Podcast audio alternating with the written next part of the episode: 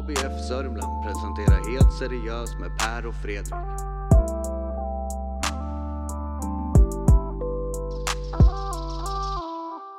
Hej Per! Hallå där Fredrik! Du, nu är det dags igen.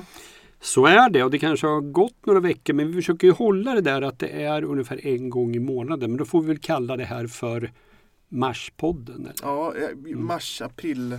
Ja, Nej, förlåt, Ja, mars. februari, februari, Februari, mars. ja. Precis så. Skottårspodden. ja precis. Ja, härligt. Mm. Eh, du, idag har vi en ny gäst som vi ska samtala med och ett litet nytt ämne för oss. Även om det är som, jag skulle tro att det blir som det brukar bli för oss. Att vi Mm. liksom hakar i tidigare samtal. Idag ska vi träffa Jessica W Sandberg. Mm. Vad har du för förväntningar på det samtalet? Eh, spännande tycker jag. Mm. Därför att jag tror också att hon kommer att utmana oss. Och eh, hon har mm, ska säga, åsikter, synpunkter, värderingar och mycket kunskap i frågor som snuddar mycket av det vi har pratat om. Mm. Det vill säga både om hur, hur har barn och ungdomar det, men hur har vi det med jämställdhet, hur är relationer i synen på på olika minoriteter, hur är det frågan om makt, relationer i samhället. Och, eh, så det ska bli spännande tycker jag. Och Jessica snackar ju också, och det, eller också, det hon kanske framför allt liksom snackar om är ju kommunikation där hon är liksom kommunikationsstrateg och expert och pratar mycket om så här, hur, hur förmedlar man värden eh, och framförallt hur lever man efter de. Jajamän. Och hon har ju, eh, hon jobbar också med näringslivet vilket jag tycker är lite spännande. För hon har liksom en annan nisch kanske än av de gäster vi haft tidigare. Absolut. Och jag och Jessica känner varandra genom, ja, genom vårt jobb, att våra vägar har liksom korsats flera gånger och, och lyckas alltid, tycker jag, eh, säga grejer som får mig att tänka lite nytt. Så jag hoppas på det Mm. för det här samtalet. Kanon! Vi kör igång. Ja. DJ Snygg, besvärlig sedan 1977 eller kort och gott Jessica W. Kärt barn har många namn och Jessica W Sandberg har många strängar på sin lyra. Hon är radioprogramledare, journalist, folkbildare och inte minst prisad kommunikatör och spindoktor med flera uppmärksammade kampanjer på sitt CV. Men mest av allt är hon nog ändå en person med en stark drivkraft att förändra samhället, utmana normer och ifrågasätta strukturer. Att vara besvärlig, kort och gott. Idag är Jessica gäst i podden för att prata om just drivkrafter och kommunikation. Det här är Helt seriöst med Per och Fredrik, avsnitt 13. Podden produceras av ABF Sörmland. Jessica, välkommen till podden. Tack. Det är jättekul att ha dig här tycker vi. Det är superroligt att vara här. Älskar, älskar Eskilstuna. Härligt. Vad älskar du, vad älskar du mest? Älskar du att vara liksom just här i ABF-huset i Eskilstuna eller Eskilstuna i största allmänhet? Både och faktiskt. Dels så älskar jag ABF. Men det är verkligen nostalgi nu när jag tar tåget från Stockholm till Eskilstuna. Jag gjorde ju det dagligdags tidigare. Nu gör jag det bara ibland. Så nu är det lite så här, som att komma Sen tycker hem. jag det är häftigt där Fredrik, att, för eh, jag har ju träffat Jessica någon gång sådär, men hennes röst är ju bekant. Eller hur? Såklart. För oss som lyssnar på, säger man, säger man lokalradio? Säger man Sörmlandsradion? Nej, man, de har ju bytt namn, alla lokalradiostationer. Så man säger P4 Sörmland. P4 Sörmland. Men, där, men där är du till och från. Din röst finns där även nu. Nu ibland, ja. Ja. Så. Mm. Älskar också. Framförallt älskar jag lyssnarna. Alla är inte jättesnälla, utan typ superarga för att så här, kan hon inte bara säga Jessica Sandberg för efternamn? Med, och är su- sura på mitt W. Men jag har också helt fantastiska lyssnare som allt från ringer in på telefonsvararna och är supergulliga och är glada över att jag hörs till att de twittrar eller använder andra sociala mediekanaler. Kul ju. Jag gillar också att vi sätter ribban liksom högt direkt och börjar att folkbilda kring hur vi ska liksom prata om vår lokalradio, regionalradio. Mm. Hur var det nu då? Sveriges Radio? Alltså det är P4. P4 Sörmland. Tack. Så att alla lokalradiostationer i landet är P4-stationer. Då har vi sagt det. Jessica, får jag bara fråga en, för nu blir jag så nyfiken. Jag tror lyssnarna står ut med det. Eftersom jag lyssnar också på, på Västmanland, spelar man samma musik över hela Sverige? Inte över hela Sverige, men man har musikredaktörer som ansvarar för olika områden. Okej. Så jag skulle säga ja. Sen så är det ju skillnad på att till exempel att man an- då i Eskilstuna och Sörmland kanske lägger mer då krut på också vissa lokala artister som inte spelas i Västmanland Okej. och tvärtom. Ja, men då fick jag svar på det. För jag har alltid undrat, tänkte, "Åh, jäklar, Sen när jag- samma lista? Liksom. Ja, men när jag sänder så fuskar jag alltid och gör musikredaktörerna galna. Men lägger ju alltid in Britney Spears. Ja. Ja. Men det är inte så att du kör lite mera Kent också än Västerås? Nej. Nej. Nej, fick Nej, svar på ja, det? I'm sorry, men jag tänker att eh, Martin Sköld som ändå är programledare där får Ja, liksom han får stå för, för den gamla Han, historien. han fyller Kent-kvoten. ja, exakt så. Ja, men Jessica, eh, förutom då att eh, säkert många som lyssnar på våran podd känner igen dig från P4 Sörmland så har ju du en herrejösses massa saker på, på ditt CV. Du är journalist och alldeles uppenbart radiopratare. Du är PR-strateg, kommunikatör, spinndoktor, föreläsare och säkert massa fler saker som jag liksom inte ens har, koll på liksom, nu, fritt från huvudet. Men vad skulle du säga liksom är i, i allt det här, alla de här rollerna, vilken är liksom den röda tråden i ditt arbete, eller ditt engagemang? Den röda tråden är ju att jag tycker att vi alla bär ansvar för den värld vi vill ha och vill leva i. Och med det så har ju jag i min säga, ungdom, men min uppbyggnad av karriär också när jag vill driva förändring på en arbetsplats. Många gånger fått sagt om mig om att jag är en besvärlig person. Så att säga. Och det är väldigt sällan någon säger det to my face. Utan mer om och att det kommer liksom runt på någon cirkel. Och det är klart att så här, jag är ju en person som ställer frågan varför? Och jag är en person som vill att saker utvecklas med tiden och helst gärna före sin tid. Sådär. Men om du är en chef av den gamla skolan där en chef säger vad du ska göra och sen så gör du det så är det klart att det blir ju jäkligt besvärligt när någon anser sig varför då. Och därmed så anser jag att så här, hade, hade jag varit man så hade jag inte kallats besvärlig. Jag hade istället fått till mig att jag var målmedveten och driven och han vet vad han vill. Som kvinna istället så blir ordet besvärlig någonting som sätts på, på könet. Och det där är ju superintressant och det där handlar ju om såklart medvetenhet kring ledarskap. Alltså vad, vad ska en chef göra? Vad är en ledare? Du kan ju vara chef utan att vara ledare och du kan vara ledare utan att ha en chefstitel. Men också så här, hur påverkade är vi av olika typer av strukturer och saker med i vårt bagage och normer. Alltså det är vi ju alla. Alltså verkligen. Och jag brukar säga att så här, den som säger att den inte har några fördomar eller föreställningar antingen ljuger eller har noll koll. Därför att vi har det. Det viktiga är att vara medveten om det och vara vaksam och fundera på hur det här präglar mig, min vardag, mitt sätt att vara och att jobba med det. Och där att sätta ett ord och ett epitet som besvärlig är ju bara en liksom kvarleva av en gammal struktur i hur man ser på personer ska vara. Jag tänkte det Jessica, vad är det som har på, om du skulle, utan att allting har sitt rotsystem i där man är född och uppvuxen, men vad, vad, vad är det som har påverkat dig att du har blivit den du är? Och vad, vad, vad är din egen historia så att säga, om vem du är? Just det, hur blev du besvärlig? Ja, Men jag har faktiskt funderat en del på det där. Alltså, om jag börjar baklänges där vi är idag så är det ju också så att när jag döpte mitt bolag till Besvärlig sedan 1977 och om någon då inte förstår så är jag då född det året. Eh, vill helst, jag känner ju dock som 15 så att jag vill egentligen på det sättet inte kännas vid. Men det handlar ju jättemycket om att när jag tog ägandeskap av det epitetet och gör det till snarare en produkt så tycker merparten att det är jätteroligt. Och där så har jag då liksom försökt reflektera tillbaka till så här, men vad är det som har gjort att jag är besvärlig eller uppfattas som besvärlig. Och när började jag då? För för mig handlar det ändå om kampen för den, den lilla eller den utsatta. Och där är det klart att här, jag är uppvuxen i Piteå. Så jag är född i Piteå och uppvuxen i Piteå och flyttade till Stockholm när jag var 16. Och har ju då en, en uppväxt som här, inte var rosenskimrande och där då exempelvis så var jag mobbad. Och det känns ju som att här, alla personer som blir mobbade sen ska skapa olika typer av arenor där vi ska göra så här, uppror och ta tillbaka synligheten och jag älskar att höra mig själv och se mig själv och allt det där. Och det, det känns verkligen klassiskt om man tittar på här, offentliga personer som pratar om sin historia och sin uppväxt. Så det är klart att så här, det har ju garanterat färgat mig och framför allt så handlar det om att jag tillbaka till det jag sa tidigare om att ta ansvar för vår värld. Alltså det värsta som jag vet är människor som inte har civilkurage eller bara empati. Alltså allt från att hjälpa en, en person med rullator på bussen upp och ner. Folk kan bara sitta och titta på. Det är helt bisarrt.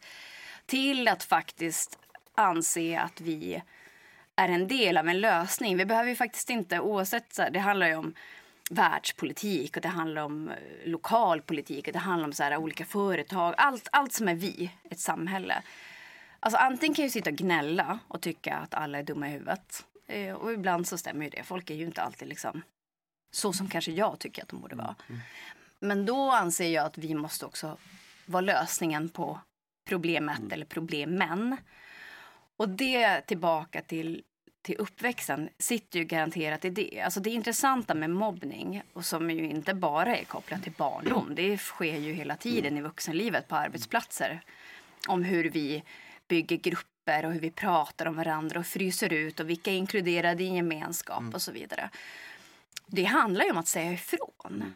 Det handlar om att inte acceptera den skiten och att så här, det är därför som en person som är besvärlig behövs ju för att en arbetsplats inte ska stagnera eller liksom bygga de här destruktiva kulturerna. Utmaningen är ju att om jag räcker upp handen på ett personalmöte för att ställa en fråga upplevs som att jag är den enda i en större grupp som tycker någonting. Och sen får jag efteråt en klapp på ryggen och säger bra sagt. Det gör ingen skillnad, inte för mig och inte för sammanhanget. Utan där vill ju jag att så här, om vi är på samma möte att det räcker med att Per säger så här, jag håller med Jessica. Ja, så hello, jag fortsätter ju gärna snacka själv. Men man måste visa att man är ett sammanhang och man är ett kollektiv. Så. Jag tänkte Jessica, finns det något problem? Jag gillar din eh, liksom, ingång där och jag brukar själv liksom, säga när jag har jobbat att vi ska lyssna på de mest kritiska rösterna för att om, man, om det missar man an, och det är inte för att vara artig utan det är därför att det finns, de har, de har säga, något viktigt att säga. Så är det. Men jag brukar också säga till dem som då möjligtvis skulle kunna gå under det epitetet som du säger besvärlig. Att du är viktig men det kan inte vara så att du är så jämnt. Du måste också lägga till den här andra delen som du är inne på nu. Att du är konstruktiv och deltar. För annars kan du ju lätt få också, det blir lite gnälligt eller någonting. Och då är det samma person. Är du med hur jag tänker? För det borde ju snurra runt lite i gruppen om vem som är den mest kritiska rösten. Finns det någon problematik med det där då? Men handlar, det, att- förlåt, men handlar, handlar det inte också så mycket om, om drivkraften bak? Alltså här, att, för jag, jag uppfattar dig lite grann också Jessica när du pratar att så här, jag ser inte att, att du drivs av ett, liksom, att vara besvärlig för besvärlighetens skull. Utan att så här, det handlar om vilka, varför Mm. man, man går in med den här liksom, inom situationstecken då besvärliga liksom, eh, attityden. Eller? Men det är exakt det. Att så här, det är därför som många chefer liksom har valt helt fokus, fel fokus på mig. Där man ser att det bara är besvärligt, inte varför. Det vill säga att alltså jag har ju ingen egen vinning i att vara besvärlig. Därför att det kostar sjukt mycket. Det är jag som får skiten. Det är liksom jag som får ett sämre utgångsläge i klassiska lönediskussioner. Alltså det, det krävs sin chef och ledare för att se det positivt. Jag driver ju de här delarna för att jag tror att vi kan bli bättre. Vi kan göra saker annorlunda. Jag har ju själv innehaft flera olika typer av chefspositioner. Jag tycker egentligen i, att det är superenkelt att vara chef. Alltså det handlar om att låta människor få sin röst hörd och inspirera men också vara tydlig i förväntningarna på ansvar. En chef kan inte lösa allting själv. Det måste vara arbetsgruppen och arbetsplatsen och, och den kulturen som, som alla bidrar till. Det kan inte vara chefen som ska stå endast som den personen utåt. Men det som chefen och ledaren gör, alltså den officiella ledaren, är ju att faktiskt säga det här är någonting som vi primerar. Vi tycker att det är bra. Det är en jätteskillnad på att ställa frågan varför i syfte som du är inne på Fredrik. I syftet att så här, genom att göra det här så tror jag på att här, sätta in ett annat perspektiv. Har vi kanske glömt någonting? Det kan vara en form av rekrytering. Frågan så här, hur, har vi, hur rekryterar vi? Hur rekryterar rekryteringsfirmor och liknande? Eller så kan man bara gå omkring och vara en surplutt. Och bara, nej men det är typiskt att vi alltid bara så här, rekryterar den här typen av personer. Det vill säga, vill du vara en del av lösningen eller inte? Och där är ju svårigheten att vara chef och i chefsposition. Att skillnaden från att ha den visionen till att inspirera människor till att bli sitt bättre jag. Att det kommer alltid, alltid att finnas människor som inte trivs med att säga sin åsikt kanske tydligt utåt utan hellre gnäller eller säger den utåt utan att fundera på hur de ska bidra till då nästa steg. Och därför är det ju svårt att vara chef. Alltså det är sådär. Så det ena är visionen, det andra är dagligdags. Men om vi alla på riktigt skulle vilja vara besvärliga eller stötta de besvärliga i det goda syftet skulle vi ha en helt annan arbetsplats och värld och så vidare. Men jag tycker, jag tycker så mycket om liksom, din, din berättelse. De- Dels för att jag så mycket känner igen mig. Jag tänker du och jag som, eh, som har träffat så mycket och liksom kanske också funnit varandra i just det här att, att vi har en gemensam idé om, om vikten av att inte bara så här, talk the talk utan också walk the walk. Liksom. Och, och allt det här med civilkurage, att stå för någonting och liksom leva budskapet som du Per brukar prata om. Men det jag tycker om också såklart med, med hela din story kring besvärlig är ju kanske också revanschen i det. Liksom. Att så här, det som människor försökt, som jag tolkar, liksom, trycka ner dig med eller liksom, hålla tillbaka dig med tar du och gör till ditt eget och också faktiskt då ett, ett, liksom ett framgångsrikt koncept och brand idag. Det är ändå ganska coolt. Någonstans måste det liksom som egoboost ändå vara ganska skönt att så här, Nej, men det är, verkligen, och det är ju superhärligt. Och med det sagt så är det ju så att under de här åren innan jag liksom etablerade Besvärlig och innan jag faktiskt då om vi nu ska säga byggt en klassisk framgång i nu hur världen definierar framgång, vilket i sig är en jävligt intressant diskussion. Men så har ju jag under många, många år tvivlat på mig själv. Tillbaka till uppväxten och hur den skadade. Att det är, när någon säger någonting tillräckligt många gånger, då blir det också sant. Om människor inte får till sig också att de har styrkor och bra grejer utan blir ensamma i upplevelsen av andras upplevelser då av mig. Då är det superlätt att det blir en sanning. Så där har ju jag också kämpat. Alltså det ju, när, alltid när jag pratar om det så låter det som en enkel väg. Men det har verkligen varit många tvivel och det har varit känslan av att de kanske har rätt. Alltså jag känner ju, jag, jag relaterar så himla starkt till det där. Jag tänker alltså, för det är väl kanske just som du säger att det är så himla typiskt. Vi, på sätt och vis så gör ju du och jag olika saker och, men på sätt och vis gör vi ganska mycket saker som, som liksom är lika. Eh, och jag har ju också, tänker jag, den typen av, av liksom bakgrund och jag, och jag kan ju snyta liksom ur ärmen alla gånger som bara så här, tio gånger från the top of my head som, som man hörde det där liksom. Och framförallt fick jag kommer ihåg, så jag fick ju höra det från lärare, det var nog det första. Liksom. Det är så där, nu tar du för mycket plats. Nu, nu ifrågasätter du för mycket. Jag har några sådana exempel. Jag brukar faktiskt också använda dem när jag föreläser. Så här. Jag kommer så väl ihåg när jag skulle få ett betyg på gymnasiet, första, liksom, min första år i gymnasiet. Och läraren säger till mig ungefär så här. Fredrik, eh, du har presterat jättebra liksom, i det här ämnet. Du har jättefina resultat. Men du ifrågasätter lite för mycket. Så det blir ett VG. Eh, och då vågade jag inte ifrågasätta igen fast det var precis det jag skulle göra. Liksom. Men, men så att absolut, jag förstår, jag förstår känslan, jag förstår drivkraften och också tvivlet såklart. Liksom. Men visst är det intressant att så här, om man tittar på, på uppväxt av barn. Alltså från att barn är supersmå så lär vi dem att de ska göra som vi säger. Och säger de varför, då säger vi därför. För att jag säger det. Och sen så ska vi in i skolsystemet som också i sin tur har direkt så här, en, en extremt fyrkantigt sätt att se på elever. Och där vi måste prata om att så här, om du har 35 barn i en klass, då är det 35 individer. Alltså släng in 35 individer på en arbetsplats. Ingen kommer vara den andra lik. Man kommer ha vissa likheter, men det är ju fortfarande individer. Sen ska alla i det här strömlinjeformade agera.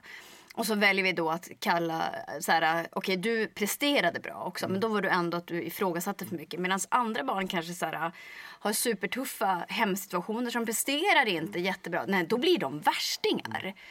Och så vidare. och så vidare. Alltså det här är så bisarrt. Och sen som vuxen, nej då ska vi helt enkelt bara bygga om oss själva till att bli någonting helt annat. Och så ska vi ta initiativ och ifrågasätta och våga. Alltså det är så konstigt. Mm.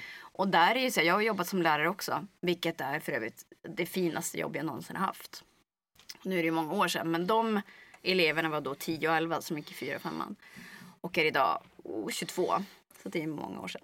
Ish. Men, men där är det ju så att jag tog över och var lärare i en av femman och där innan så var det ju de andra vuxna som kallade det här värstingklassen.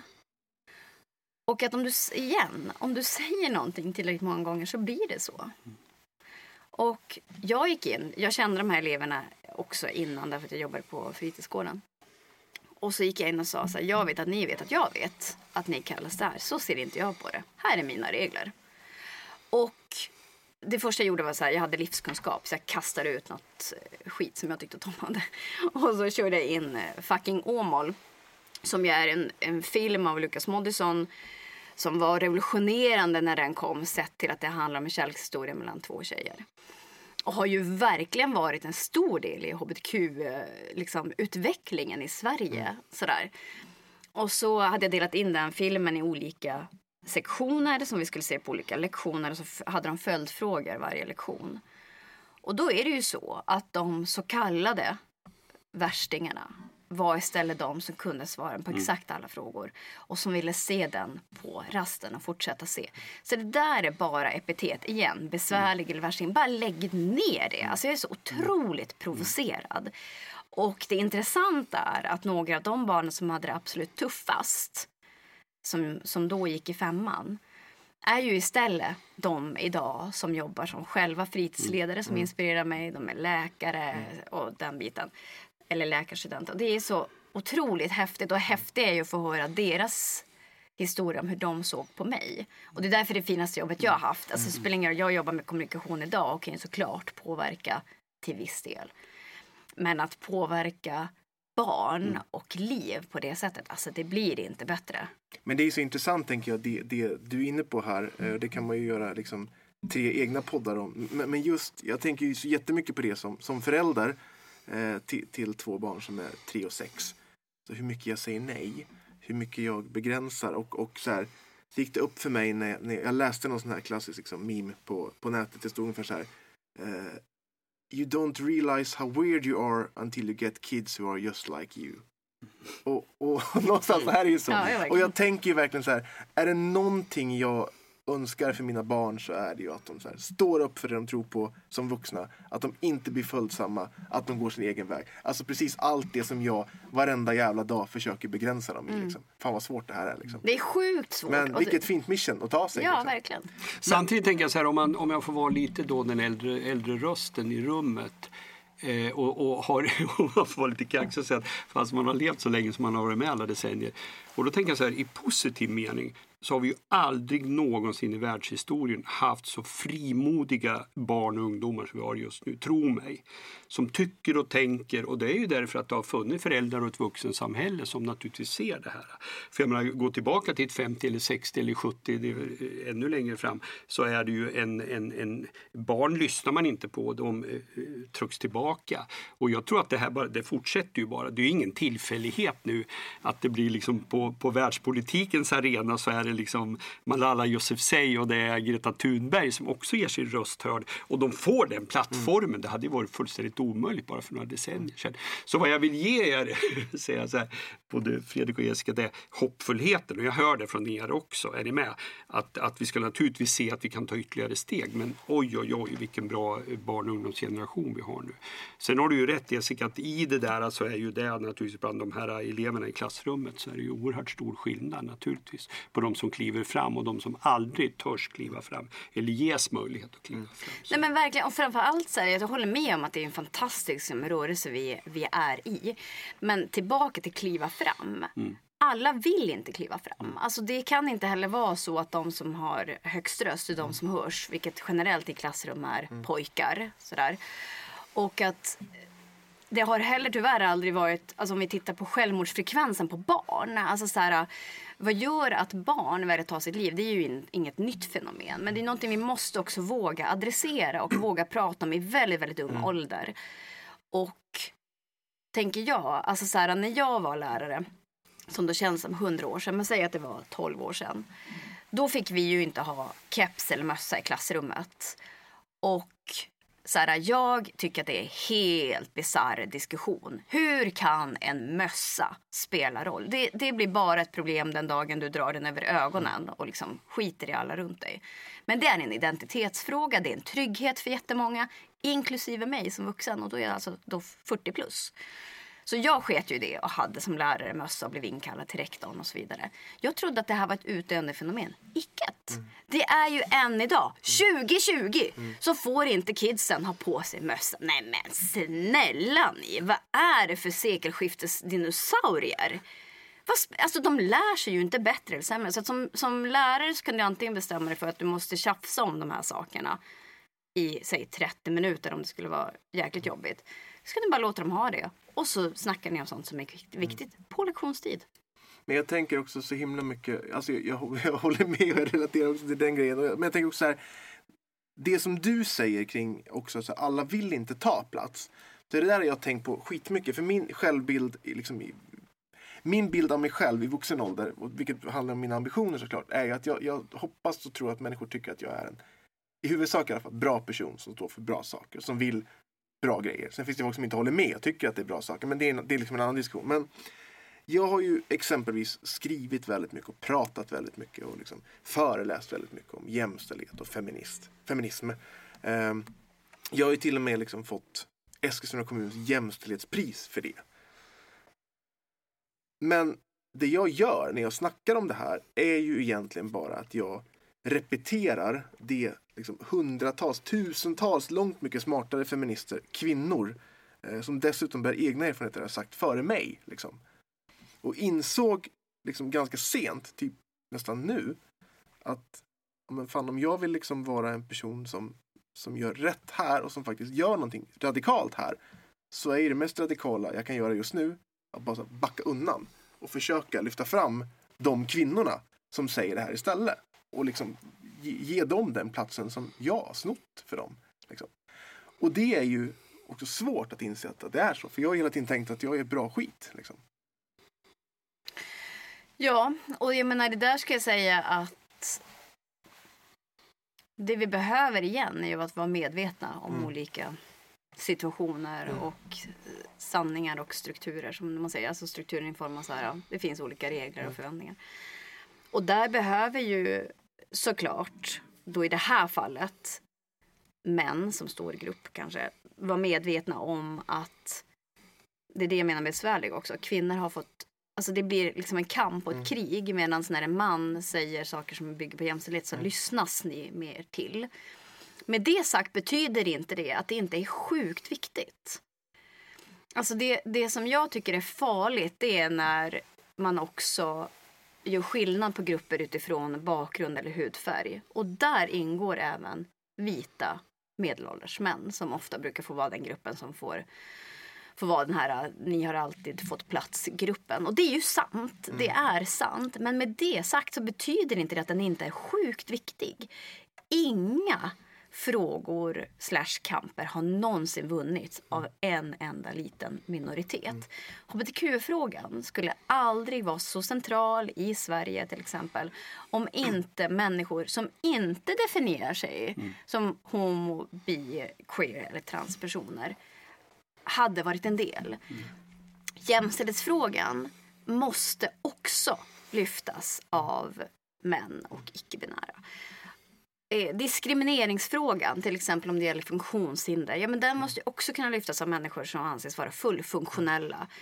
Frågan om rasism och etnicitet, det är ju alltså eh, då i det här fallet, vi, i det här rummet är vi tre personer med vit hudfärg. Mm det måste ju också vara något, liksom, ett, vi lär oss vara medvetna om att det, vi bedöms på skillnad på mm. tonen i hudfärgen. Men också vara de som är spokesperson som säger det här är skit. Mm. Alltså du behöver ju inte vara den utsatta eller minoriteten för att ha en jäkligt mm. viktig röst. Mm.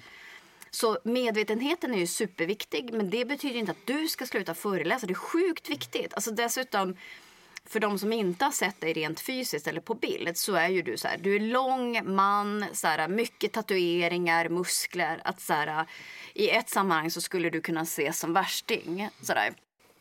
Och, så här, för att vi bedömer på kontext helt mm. plötsligt så bara bedömer vi på utseende. Men, men där är det ju också så att med det så kommer faktiskt vissa privilegier i att folk lyssnar på en så här machokille. Och då är vi inne på nästa del i så här hur vi bedöms utifrån vilket kön vi har och hur vi ska uppfattas i det. Men det är viktigt att vi alla är röster. Och att vi slutar liksom försöka tysta varandra för att vi inte är rätt. Bra, jag tänkte så här.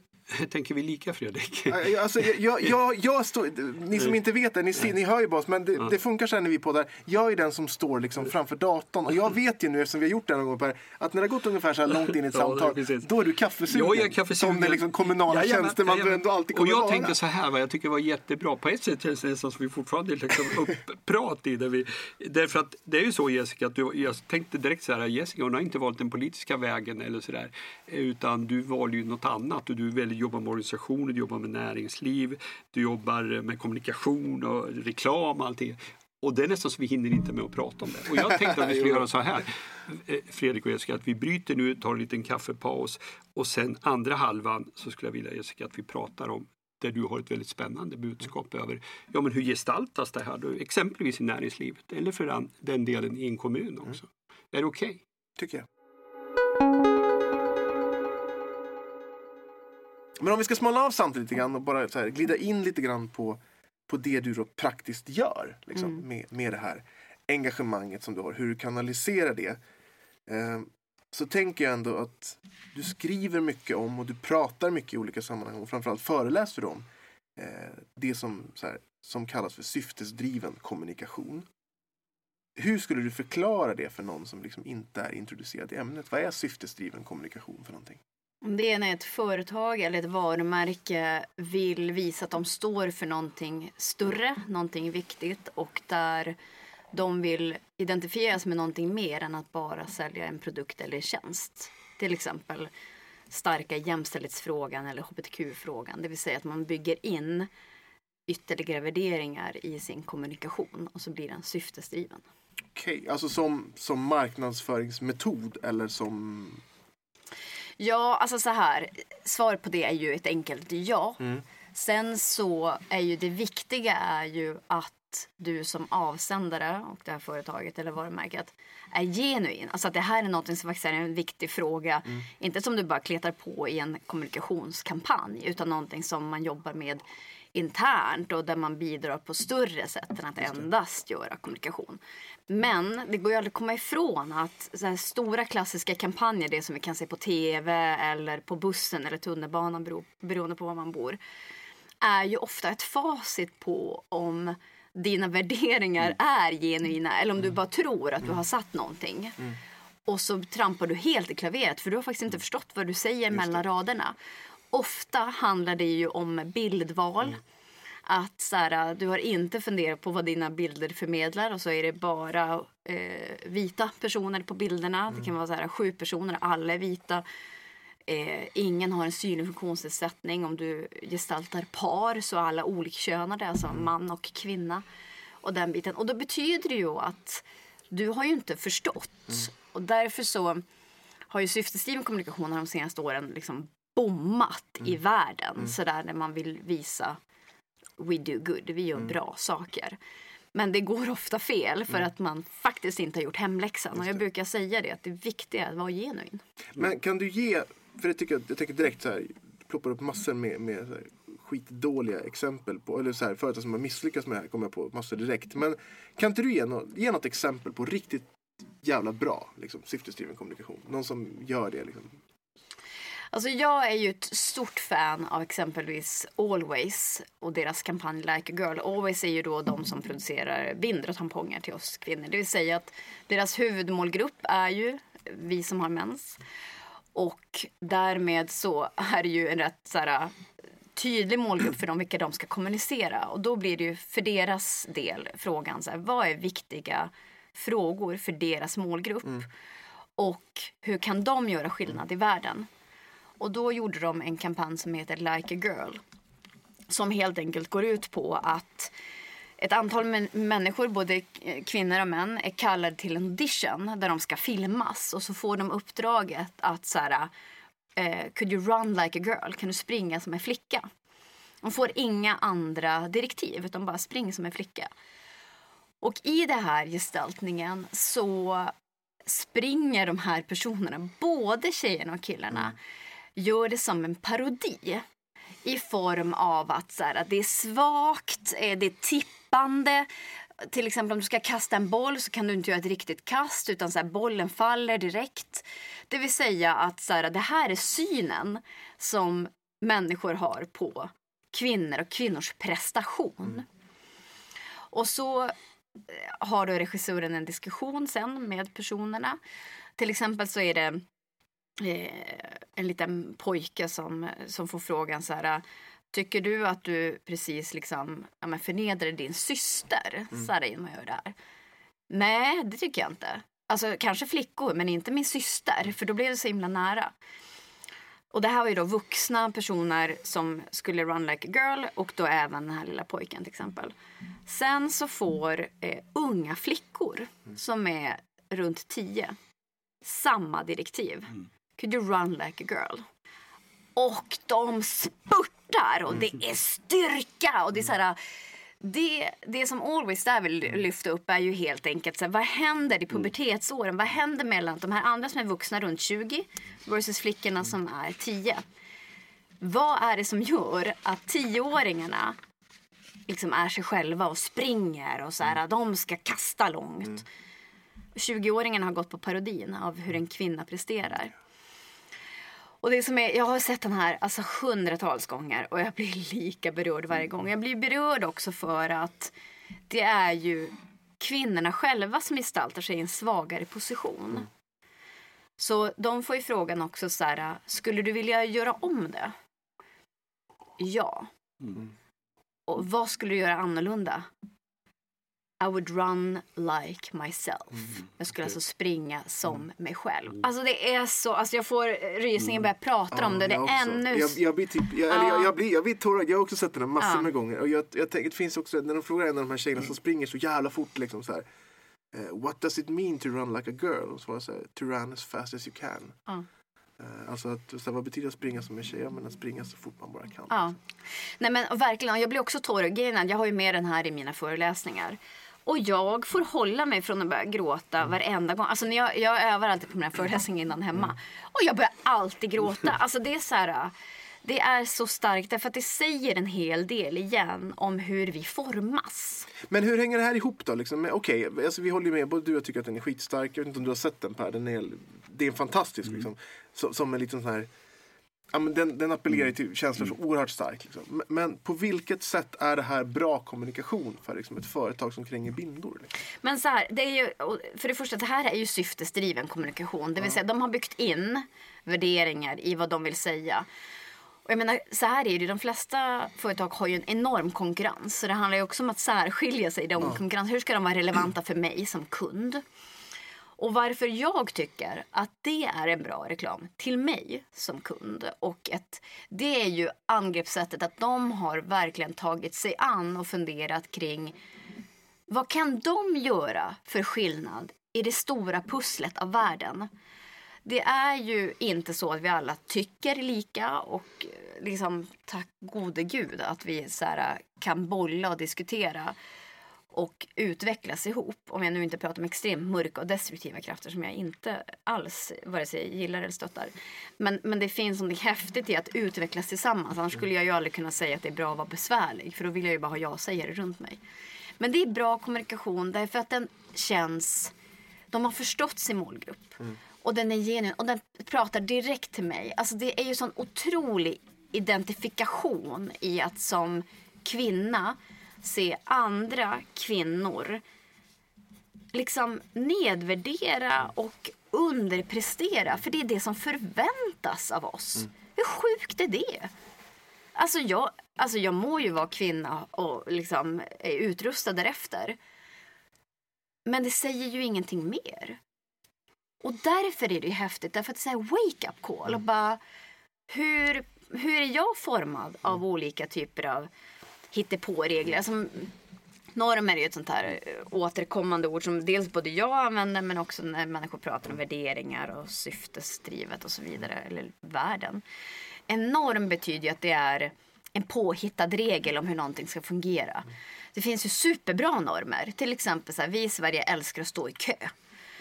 Om, om normen här hade varit störst och först, ja då hade ju personer du Fredrik liksom puff, kört över mig varenda gång. Jag skulle aldrig komma fram i kön. Därför är det en bra norm. Så här, vi vet vad vi ska förhålla oss till. Eh, exempelvis. Eller vi klär inte av oss naken på bussen. Också, vi har lärt oss att det är så det borde vara. Men sen så finns det ju faktiskt negativa normer och destruktiva normer om med massa saker. Men, men där vi på just på Always uh, handlar ju om kön. Alltså det finns en massa inbyggda förväntningar på ett kön, en person med ett visst kön. Och där så, så kan man ju också titta på hur både köns och heteronormen till exempel direkt slår beroende på om du är man eller kvinna. Där till exempel ett klädesplagg gör enorm skillnad beroende på vem som bär plagget. Så att om, om Per hade kommit in idag här på ABF och vanligtvis så här, har vad som nu är kodat som manliga kläder, det vill säga byxor och tröja. När, när du kommer in i ett rum, vilket rum som helst, i det så är det ingen som reagerar. Men hade du istället kommit in i något som är kodat som kvinn, kvinnligt, det vill säga en klänning i det här fallet. Då hade det skapat en massa andra typer av reaktioner. Det hade varit frågan om så här, har Per blivit galen? Eller ska han på maskerad? Eller är han trans eller bög? Men om jag kommer in i klänning så, så händer ju inte det. Och med det sagt så ska man komma ihåg, alltså ett klänning, det är ett tygstycke. Tyget är dött. Det bär inga värderingar, det är inga åsikter, inga känslor. Det är totaldött. Så klipper du det i olika varianter och så klipper du till en klänning. Fortfarande tvärdött. Händer ingenting. Det som händer är att när det placeras på olika personer så är det vi som direkt speglar våra värderingar på i fallet Per klänning.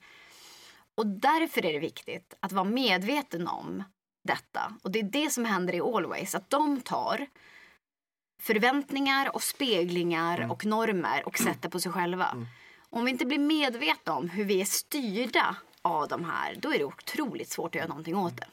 Men hur vet man att det är på riktigt? Det funderar jag mycket på. Jag tycker att Always är svinbra.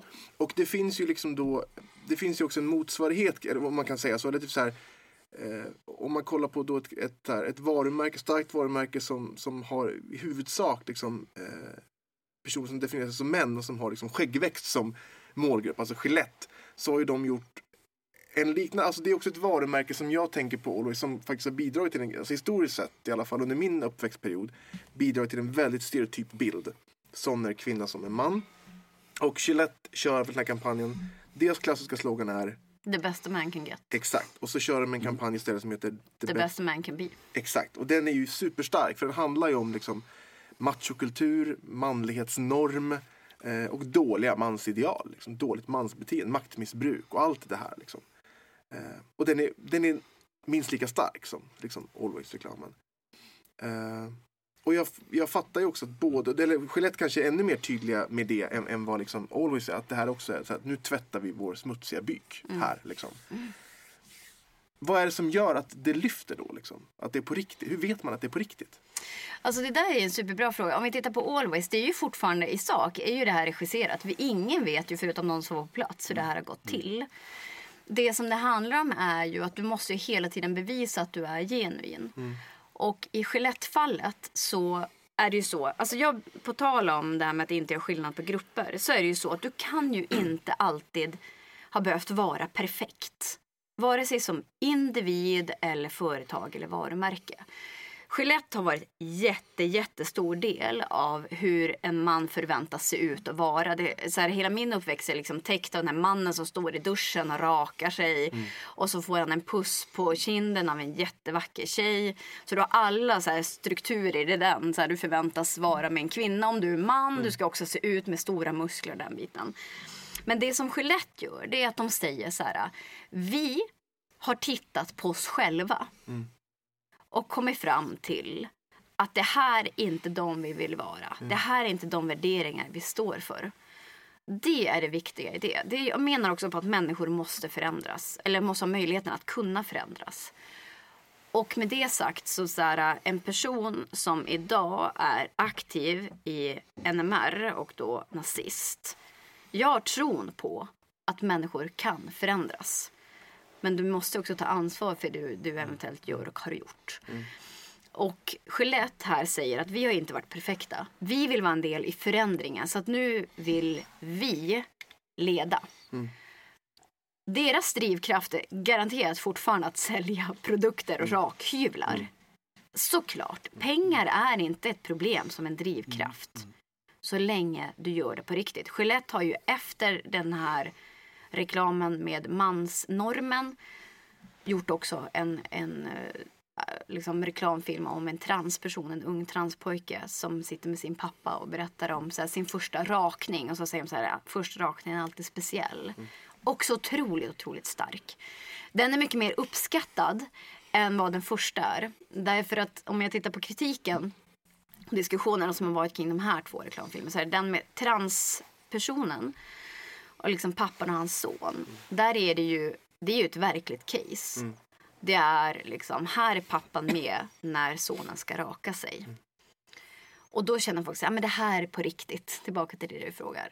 Medan den första handlar ju mycket om att ta upp specifika tillfällen när mansnormen, hur den styr er som grupp då. Och den har ju varit extremt kritiserad och älskad. Men, men de kritiska rösterna handlar ju om att så här, nu ska inte Gillette komma här och säga boys will be boys och det är ett problem. Det där är ju alltid spännande. Jag har faktiskt, alltså det finns bara ett enda tillfälle i hela världen när grupper går ihop och säger inte alla. Och det är verkligen män. Inte alla män. Det kan handla om våldtäkter, det kan handla om mansnormen. Det är bara ni som hörs då och säger inte alla män. Nej men ingen har någonsin sagt alla män. Någonsin. Men att inte på riktigt vilja se att vi alla har saker som påverkar och formar oss som inte alltid är bra. Det är för mig super, super konstigt. Med det sagt, du kan vara, ha, alltså, ha hur mycket muskler du vill. Det, alltså, det handlar inte om att du måste vara på ett visst sätt eller inte få vara på ett annat sätt. Men det viktiga är att du Per eller du Fredrik ska kunna komma in i en klänning. Och det ska inte vara skillnaden. Eller ni ska kunna komma in i t-shirt och byxor. I don't give a shit. Problemet är att ni blir bedömda på kön. Och det finns också den här Boys Will Be Boys. Jag har aldrig hört under min uppväxt så här, ja men tjejer är tjejer och så kan vi slåss. Men när, när pojkar slåss då är det så här, men pojkar gör så. Nej, det gör de inte. Utan det är vi som skapar det och tycker det är okej. Jag tänkte det, Jessica, en- det viktiga det du säger som jag tolkar det och som jag, jag håller med om verkligen att det viktiga här det är väl att synliggöra. Det är det du gör genom att ta de här. För att, eh, om du- tog exempel om man skulle komma i, i klänning och jag tror inte du har de förväntningarna och jag har inte det själv. Det är inte det som är det viktiga utan det viktiga är ju att vi förstår det här. Och särskilt om det också leder till maktstrukturer, eller hur? Att du sorterar då över vem som har mest inflytande och inte. Det är då som det blir en problematik. Är det så jag ska tolka det? Att det är viktigt Verkligen. att man synliggör det. Ja men exakt, och bara med det sagt. Jag förväntar mig inte att alla män ska behöva bära klänning. Alltså man, om man vill bära en klänning gör man det, om man inte gör Alltså jag bär extremt sällan klänning eller kjol. Jag gjorde det nu i helgen när jag gifte mig. Men that's about it. Jag tänkte så här. Jag vet inte, Fredrik, vi läser ju lokaltidning. Jag vet inte Jessica om du hinner med Eskilstuna-Kuriren. Jag tycker de har ett litet kul eh, liksom, tema just nu därför att man fångar lite från 60-talet hur det var i skolorna. Och ibland finns ju en fara att man gör de här grejerna för att man, liksom, man raljerar lite. Och då har det nu varit så här att det är en tjej som har valt liksom en typisk utbildning för killar. Eller titta nu får flickor köra trä och metallslöjd och titta nu är det pojkar som kör textilslöjd. Har du sett den? Mm. Och då är det lite mer att vi ska skratta lite med, och det finns ju glimten i ögat. Här. Men jag tycker det här är oerhört viktigt. Det där motsvarar ju den tiden. Det fanns inget, inget skrattande över det. Det var ju också en, att man bröt normen Radikalt, och synliggjorde, liksom. exakt, och synliggjorde. Va? Så det är klart att varje decennium, varje epok har ju någonting som liksom bryter fram. Och de här tjejerna och killarna som tog de här stegen Tack säger jag, eller hur? De är väl 70 år idag så att säga. Jättebra att man tog det. Men när vi tittar på det bak, i, i efteråt så, så skrattar vi lite. Och tro mig, även 2050 så kommer man att blicka tillbaka till Ja men herregud, hur var det 2020? Och vad stod de här 70 80-talisterna för? Och så kommer du säga, men alla de här tiderna är ju ett uttryck för den förståelse som finns i samhället. Och den maktstruktur och det man, så är det. Och jag tror att det är viktigt det här att liksom jag brukar säga att varje, om man nu har jobbat, för, jag jobbar 40 år och kan se liksom utvecklingen så hade ju varje decennium ett slags karaktäristikum som, som liksom, och nu, nu är vi inne i, nu är det väldigt mycket värderingar, så är det ju en kommun också. Mm. Nu pratas det liksom miljö, det pratas jämställdhet, hbtq, det gjorde det inte för 10 eller 20 år sedan. Mm. pratas det andra frågor. Och om 10-20 år kommer det pratas om andra. Samhället liksom är i progress hela tiden. Eh, tänker ni så också? Liksom att det ändå, ja, men... det är, vad, jag, vad jag vill förmedla med är en slags hoppfullhet, att det händer någonting. Mm. Och varje generation driver ju frågorna framåt. Jag tänker också, ja, men såklart, att det är så. Liksom. Eh, och att vi som sitter med facit, det är såklart att vi kan sätta oss till doms över tidigare liksom, strävanden och kamper och sådär. Det, ska man, det tror jag också man ska vara jävligt försiktig med. Liksom. Eh, det, det, är väl det är trots allt någon typ av evolution vi befinner oss i och det får man acceptera. Eh, även, även om jag tror att så många av oss liksom bara skulle vilja att det var en revolution. Eh, i så många Sen tar ju samhället steg tillbaka ibland Absolut. i olika frågor, så är det. Absolut. Men jag funderar jättemycket på eh, jag måste bara inflika där. Ja. På tal om om du ska vara hoppets röst så får jag väl vara motsatsen. Kör! Så, alltså, så här, jag håller med i allt det om att vi hela tiden utvecklas, tack gode gud. Mm. Men det är fortfarande så än idag att så här, om du som upplevd pojke skulle gilla syslöjd i skolan, mm. vad kallas du då? Bög. Exakt. Medans en... Mm. Vet det. Mm. Medan en flicka som gillar träslöjd kommer aldrig att kallas flata eller lesbisk. När du tittar på fotbollsvärlden så är det ju så att så här, i, i damfotbollen så anser man att ja, alla är lesbiska. Mm. I herrfotbollen så kommer aldrig någon ut som icke-straight. Mm. Väldigt, väldigt, väldigt intressant. Mm. mm. Alltså så här, vi måste vara medvetna om att så här, trots den här faktiskt evolutionen då och att så här, vi går vi tar positiva steg framåt så har vi fortfarande fast alla de här strukturerna. Och det är ju om vi tror hela tiden att så här, saker förändras och därför är det positivt. Ja det är det ju. Men vi måste hela tiden vara där. Och bara vänta nu, varför då? Varför då? Varför då? Och att så här, det är ju fortfarande så att, så här, jag vet inte om det fortfarande heter fordonstekniska på gymnasiet, men den typen av utbildningar. Varför är den dominerande av män? Och barnskötarprogrammet, eller vad det kan heta idag, jag är för gammal för att kolla på gymnasiet. Mm. Liksom mm. är dominerande av kvinnor. Mm. Det är inte så att män är mindre empatiska och mm. gillar verktyg mer. Alltså det är inte så. Men igen, valen som vi gör som unga är också utifrån vad vi tror förväntas och vi vill inte sticka ut. Just det. Så ditt budskap är ändå så här, keep being besvärlig. Ja, exakt så. eh, per, jag måste ändå få fråga, fråga dig. Du har ju, eh, ja, men så, som, alltså dina sista yrkesverksamma år, mm. ganska många år, så mm. var ju du kommundirektör för Eskilstuna mm. kommun. Och, eh, jag vet inte om det var du som liksom satte igång det jobbet, men du var ju ändå liksom högst ansvarig tjänsteman under, under den liksom epoken när man började prata mycket, mycket mer om det här med liksom mm. varumärket Eskilstuna. Mm. Eh, känner du igen liksom, de här tankegångarna som, som Jessica pratar om när det handlar mm. om liksom, syftesdriven kommunikation? Vad är det vad du höll på med? Ja, Jessica fördjupade tycker jag på ett bra sätt. Det är klart, vi pratade väldigt mycket om liksom, värderingsdriven organisation och vad, oaktat vad, vad för typ av kommunal verksamhet vi hade. Men, men, men en grej som, som jag gjorde många konstiga grejer så att säga, men jag tycker en bra grej. Nu kommer det fram! Ja, nej, men en bra grej som, och den bekräftar väl lite Eh, Jessica din bild. När jag klev in, om vi ska ta ledningen, liksom den högsta kommunala ledningen av tjänstemän, alltså skolchefer, socialchefer och vd för våra bolag och alltihopa, så var vi 16 män och två kvinnor. Så, så, så var läget. Va? Och det är klart att min analys där, det var inte att jag var så, liksom, nu vill jag vara så politiskt korrekt och det var så viktigt att vi var 50-50. Utan min bild var ju att om vi blir så, jag ska säga, homogena i våra erfarenheter för det betyder ju inte att någon av de här 16 männen inte var bra, tvärtom, var väldigt kompetenta och bra människor. Men om alla tänker lika så får vi ingen utveckling i Eskilstuna. Och det, och, och det som skedde sen var ju att vi, liksom, vi inte bara blev 50-50 utan liksom mycket också att det blev fler kvinnor, det blev fler som hade annan bakgrund och erfarenhet, både eh, ja, socialt klassmässigt och, och även etnicitet. Eh, åldersmässigt, om man säger i min värld att det kom in unga människor, alla var inte plus, fem, plus 55 och, och, och, så. Och det är klart, det där är ju ett exempel på att, men, men jag ska vara helt, sen drivs jag naturligtvis att jag vill vara en god ledare, jag vill få till en god kommun. Men ska jag vara riktigt krass så var min yttersta drivkraft var att vi kommer inte att fatta några kloka beslut för Eskilstuna om alla har samma erfarenhet. Mm. Och det var väl mitt budskap också, för då får vi en problematik i förskolan om alla är kvinnor i förskolan så att säga. Och, och alla inom tekniska verksamheten eller gator och parker män så får vi ett problem för att utveckla Eslöv till en modern stad. Så tänkte Men då, för då tänker jag i förlängningen då, så som jag tolkar Jessica, det du pratar om att eh, med ditt tänk Per så har liksom du i det här fallet då om vi utgår från att det du säger stämmer och inte en förskönande efterhandskonstruktion. ja, ja, så, så, har du börjat i rätt ände för att sen liksom kommunicera att Eskilstuna kommun ja. står för de här värdena. Liksom. Är det så man ska tolka det Jessica också, det här att vara genuin? Liksom? Exakt så, därför att hela poängen att också så här, nu pratar vi som, liksom om syftesdriven kommunikation, men det vi borde prata om just i kommunikativa led är ju samhällsspeglande kommunikation och det är det som du är tillbaka till Per. Mm.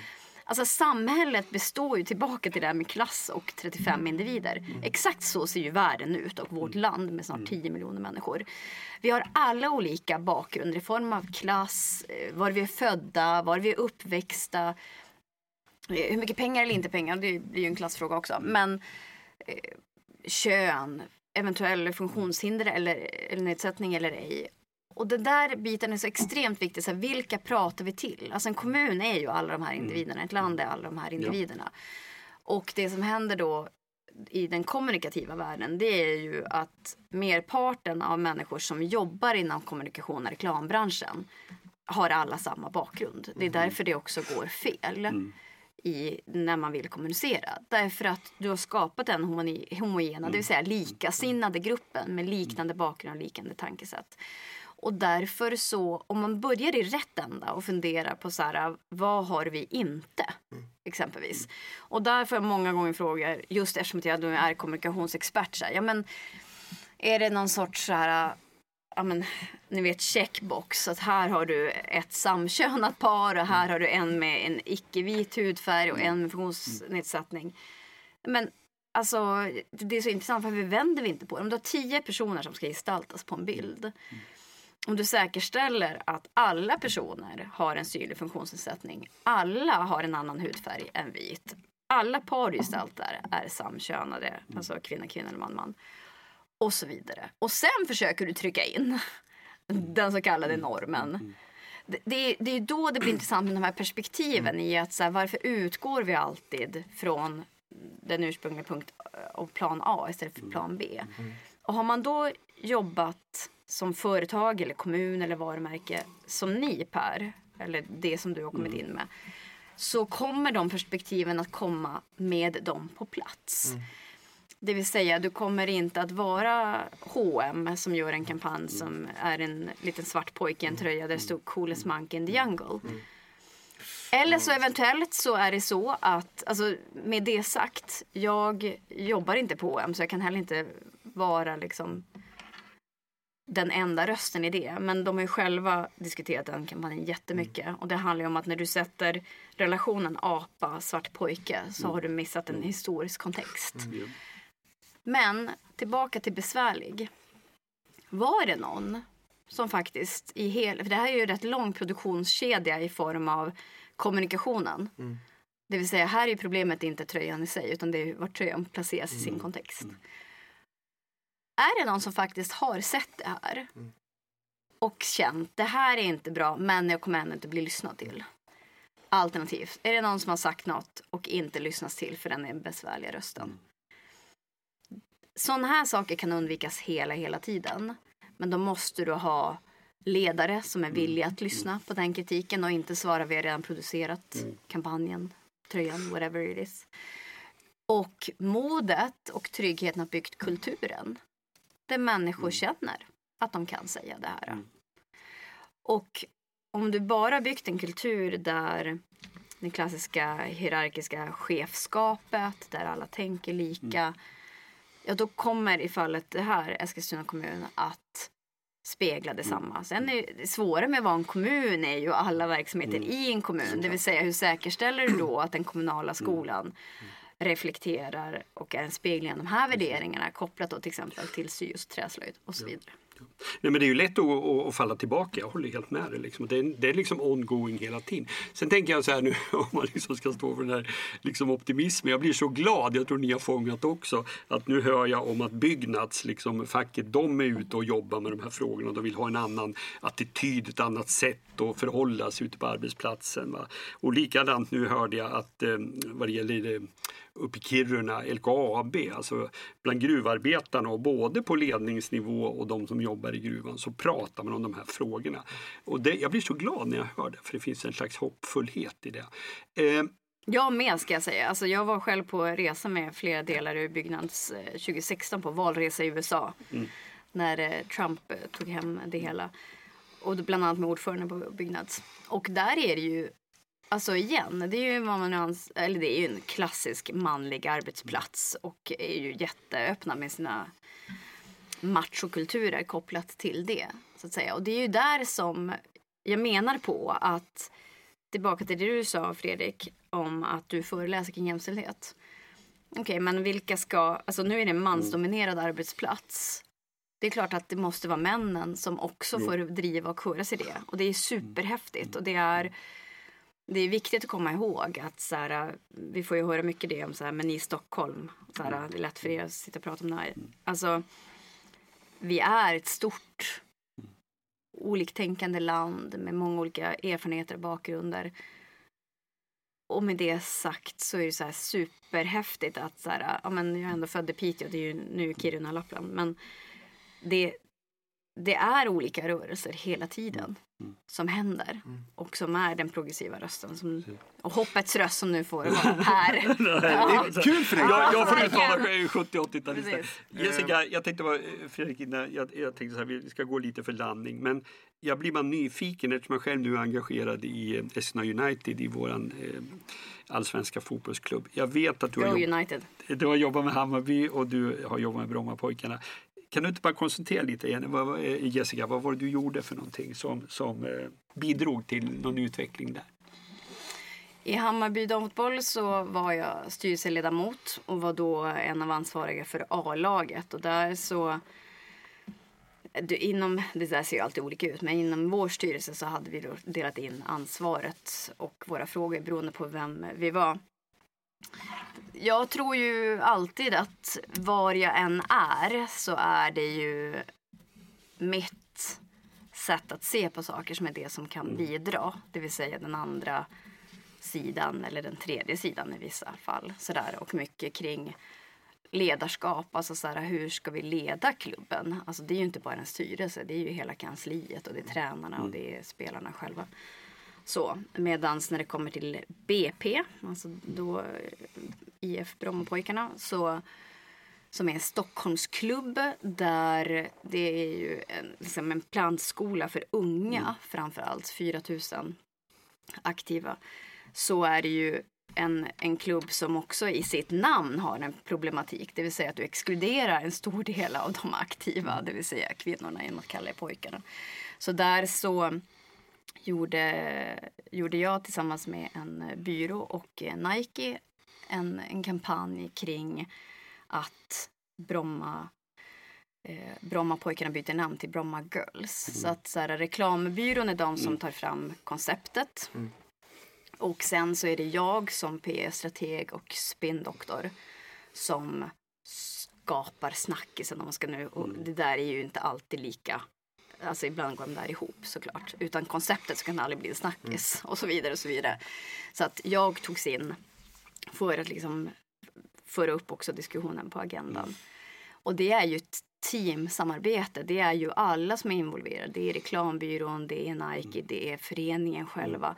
Där, där BP, det här handlar ju inte bara om en kampanj. Det handlar ju om att faktiskt de har bedrivit och bedriver än idag ett jättestort jämställdhetsarbete där de håller på att göra en skiftning som förening och där de vill vara en stor del av lösningen, inte bara för sin egen förening utan för klubbar runt om i Sverige och runt om i världen. Det vill säga så här, det är ju så att inom dam versus herrfotbollen så är det extrema skillnader. Herrarna har bättre träningstider. De får löner deluxe för sitt, för sitt engagemang och sitt arbete medan så här, damerna i Sverige måste jobba på sidan. Trots att så här, om man tittar på landslaget så är damlandslaget betydligt mer framgångsrikt än herrlandslaget exempelvis i OS och VM och den biten. Så det är ju de där diskussionerna som är super, super viktiga. Och som, Men ändrar de på det också då? Alltså det är inte bara så att de gör schyssta tröjor och en bra kampanj med dig. Alltså byter de träningstider då? För ja, och med mig, liksom- så här, jag är ju bara, alltså jag är en liten, Ja, del i det här. liksom, alltså det är ja. ju, det är ju Men föreningen själva. liksom, ja. föreningen. Nej men föreningen gör ett jättearbete och håller på så här, ser över och hur ska de bli en Alltså rent framöver, Mm. en helt jämställd förening. Vad innebär det? Alltså sponsringsfrågan om någon Mm. är superrelevant i det. Om du tittar tillbaka igen till kommunikation Mm. och eh, varumärken. Det vill säga att varför är det så att det är framförallt herrdelarna inom olika idrotter som sponsras med mest pengar och inte dam? Alltså det här är ju en igen, klassisk struktur. Trots att damfotbollen historiskt var mycket mer framgångsrik tills den förbjöds i Storbritannien. Liksom i form av när det kom världskriget. Alltså så här, de var för framgångsrika de stoppades från att spela fotboll. Det är få som har koll på den historiken. Sen tänker jag så här eh, lite självkritiskt när det gäller Snö United. Snacka om att vi är konservativa, eh, Jessica. Vi är ju bara en, en dam och tjejklubb, så är det. Vi släpper ju inte in killar. Och frågan är, nu, nu har vi 20 år på nacken så jag säger vi är fortfarande liksom en tonåring. Men eh, frågan om vi hade bildats idag och det bara hade varit en damklubb. Sen har ju det sin, sitt svar då när den bildas, varför man gör det. Man vill synliggöra. Så jag tror att utveckling går. Så ser det ut nu också i de stora internationella klubbarna. Oaktat om det är Chelsea eller Real Madrid eller Juventus så har man ju både tjej och killfotboll. Det känns helt naturligt. Så frågan är, Fredrik, där har vi en utmaning. Ja, men, och samtidigt så är ju såklart problemet inte att det finns en klubb för tjejer i Eskilstuna utan att det finns ingen klubb för tjejer på så många andra ställen. Givetvis. Liksom. Jo, men eh, är du med? Vi, Absolut. vi måste Nej, men gå i bräschen. Den här föreningen eh, måste vara radikalare än så, men det kommer att ta lite tid tror jag. Sen, och sen så har ju Eskilstuna dessutom ett herrlag. Nu är inte just det United, men Massor med herrlag. Herregud. exakt. Så att det är så Jag här, hörde, jag hörde att jag fick inget stöd i det här. Nej, men så här. Alltså, jag, jag, jag säger inte emot dig Per som sådant. Men det, det man måste komma ihåg. Det är ungefär som diskussionen med 8 mars. Varför ska kvinnor ha en egen dag på internationella kvinnodagen? Ja, för att övriga dagar på året generellt ägs av män. I form av utrymme, i form av hur män tituleras, i form av prestation och mä- kvinnor värderas på utseende. Alltså man måste ju vara medveten om allt det här. Och att det som man brukar kalla separatistiska rum, det vill säga att du har en sluten och eh, då homogen grupp som går ihop för att skapa trygghet. Det kan vara till exempel frågan om ja, men hbtq eller rasifierad, det vill säga ha en annan hudfärg än vit. De har ju en jättestyrka i att för att bygga liksom, känslan av så här, vi är faktiskt inte ensamma, vi är starka, vi måste driva den här frågan. Sen alltså, när du sen ska ut i världen, det är då vi behöver vara fler. Det är då skillnaden görs. Jag, jag tycker i sak inte att det är ett problem att Eskilstuna United idag är ett dam, en damförening. Så att säga. Det intressanta är ju frågan så här, vad är relevant för framtiden? Vilka, vill, vilka vill ni vara och för vem? Så där. Och så här, den dagen, om den kommer, man är en dam och herrförening. Hur säkerställer man då att det inte går in i de andra klassiska föreningarna i form av så här, då igen, träningstider, sponsring. Hur styr man att företagen måste ge jämställd sponsring och så vidare. Bra. Det känns som att vi skulle kunna fortsätta precis hela dagen eh, med det här samtalet. Superintressant snack och jag tänker att vi gör väl som vi gjort några gånger Per, att vi säger att vi ber att få sätta komma ja, istället för att sätta punkt. För det känns som att vi har så mycket mer att snacka om med dig Jessica och fråga dig om och sådär. Jag hör det ändå om, om jag ska försöka sammanfatta dig liksom, så tänker jag att det, ja, men det är väl det vi kanske börjar med. Det handlar om att så här, i det här fallet så om man liksom ska talk the talk så måste man också först walk the walk. Och tillbaka till den här idén om att liksom, så som jag tolkar det då, att walk the walk så kan det mest liksom radikala eh, och progressiva man kan göra som man som gillar jämställdhet kan vara att så här, här står jag, nu backar jag undan för jag höll den här platsen till dig som är kvinna som kan berätta hur det är på riktigt. Liksom. Ibland. Jessica, tusen tack för att du ville komma och snacka med oss. Tack för att Du- jag fick vara här. Det var super, superhärligt. Och det är ju det är en väldigt bra sammanfattning. Och där skulle jag säga att så här, vi måste alla bestämma oss för vilken roll vi vill spela Mm. i det stora samhället. Vilka vill vi vara? Tack. Fortsätt vara besvärlig. Det ska jag. Det, lo- det lovar Och jag. Per, fortsätt vara, vad sa du, Ho- hoppets ljus. Hoppets röst. Ja, det är bra. Då så Per, då har vi vinkat av Jessica eh, efter ett, tycker jag, härligt, dynamiskt och spretigt skönt samtal. Hur känns det? Ja, men det kanske var en bra sammanfattning. Jo, men eh, jag, tyck, jag gillar Jessica att hon, jag tycker hon utmanar mig Mm. i, i, i, på sitt sätt att förhålla sig och sitt sätt att tänka på ett väldigt, väldigt bra sätt.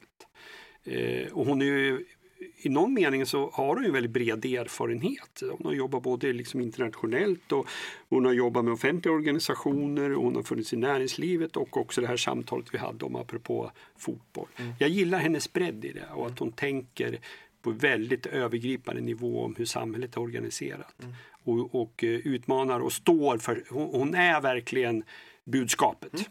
Och du Exakt vet att jag brukar säga att man måste leva budskapet, det tycker jag Jessica gör. Det håller jag verkligen med om. Och jag tycker också som jag, jag, tror att vi sa det i vårt uppsnack att jag alltid när jag och Jessica snackar eller när jag träffar henne i olika sammanhang så liksom så tycker jag att jag får med mig någonting, någonting liksom nytt och någonting som jag inte riktigt har tänkt innan. Och så tycker jag att det var här också. Jag tycker Mm. Ja. att det är superspännande att höra hennes resonemang om både starka varumärken men framförallt det här som liksom blev den röda tråden. Nämligen att det räcker inte med att snacka snacket om man inte är beredd att också leva budskapet. Sen tycker jag Fredrik det är lite kul då, säger jag nu då som, som äldre man, att umgås med eh, 70-talister och 80-talister som ni är. Och det finns en sån eh, tydlig otålighet hos er som jag gillar. Och som du märker lite på mitt sätt, det är mycket möjligt att jag, jag, jag ser det ju lite, min fördel är att jag har lite längre tidsperspektiv. Men om ni inte vore otåliga så skulle jag vara orolig. Och då är det ju snarare min roll att vara liksom se, ja, men titta vi har en utveckling, se den också. Nej men det är fint. Jag, uppskattar att du tar den rollen Per. eh, känner du dig nöjd för idag? Jajamän, vi stänger butiken. Härligt. Vi hörs snart igen. Hej. Hej.